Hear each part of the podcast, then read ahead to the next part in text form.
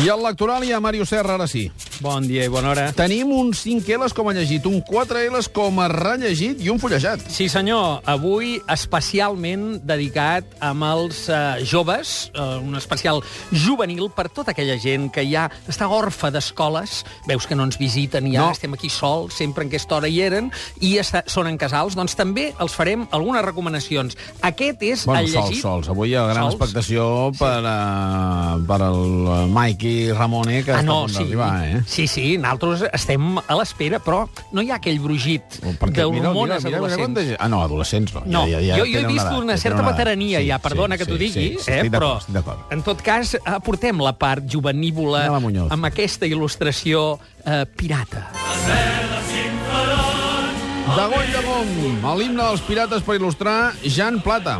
Sí, senyor, Jan Plata, La crida dels pirates, Josep Lluís Abadal, eh, il·lustrat per Jordi Lafebre. Això ho publica La Galera i és veritablement un cinqueles. És una novel·la d'aventures ideal per esperits inquiets, eh, eh, diguem, infantils, juvenils. Això de les edats sempre és fotut de- de- d'establir, de, però està meravellosament escrita i parteix d'una història. En Jan Plata viu a vora de la mar amb la seva mare, però no sap res de son pare.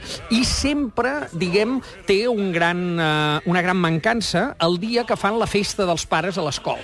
I tots els nens apareixen amb el seu pare, l'un que és cinturó negre de cara, té l'altre que no sé què, i ell, mm, diguem, no sap on amagar-se, hi ha com una mena de misteri, la mare no li diu mai res, hi ha una campana a casa seva que li diu si mai estàs en perill, toca-la, i un dia la toca, i resulta que es presenta en aquesta festa dels pares un pirata, però no un pare disfressat de pirata, sinó un pirata, diguem, eh, de dalt baix, que és el pare d'en Jan Plata. A partir d'aquí entra en una eh, història, diguem, aventurera, eh, el, que, que barreja les aventures de la imaginació pròpies de l'edat de, de voler viure com, en fi, com viuen els pirates, però també l'aventura emocional d'un pare en relació amb son fill, no? I realment la toca molt bé en Josep Lluís Badal perquè aconsegueix, en un to de conte, eh, arribar, diguem, a emocionar, a entretenir, a tenir un bon ritme, i jo crec que és una lectura ideal per aquells Tom Sawyers i Huckleberry fins de, de la, del segle XXI que tots tenim in mente. Per tant, Jan Plata, la crida dels pirates. Mots clau? Aventura, emoció, pirata i, sobretot, un mot que ja s'ha perdut molt, camaraderia.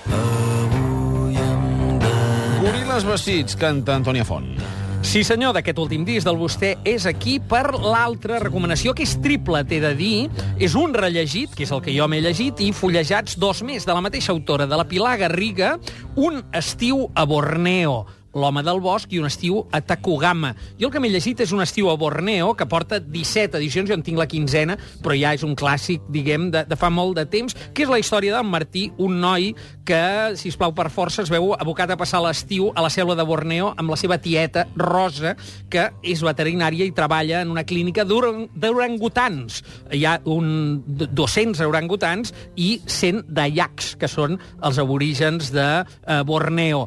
Eh, ell primer no hi vol anar, a més hi ha notícies sobre la inestabilitat política de la zona, però finalment, quan hi va, eh, realment el contacte amb l'entorn natural, amb els orangutans, amb un cuidador que es diu Esu, curiosament, com si fos els estudis, eh, i de tota aquesta, diguem, vida més aviat exòtica, el fa créixer moltíssim. Realment, aquí, a diferència del Jan Plata, no ens trobem amb una formació de contes, sinó en una formació molt de crònica. Eh, la Pilar Garriga té una germana que es diu Rosa Garriga i que era primatòloga a Borneo, o ho va ser quan va escriure aquest llibre, i per tant, diguem, és com una crònica basada en eh, els fets reals d'una zoòloga, una veterinària que s'especialitza en primats, no allò de goril·les a la boira. Mm -hmm. Ara bé, després, l'èxit tan brutal que va tenir aquest llibre va portar a fer L'home del bosc, que n'és una seqüela, pel que jo he pogut veure, i per tant continua estant situat a Borneo, també amb aquest nano, amb el Martí, i tot plegat, però el més recent,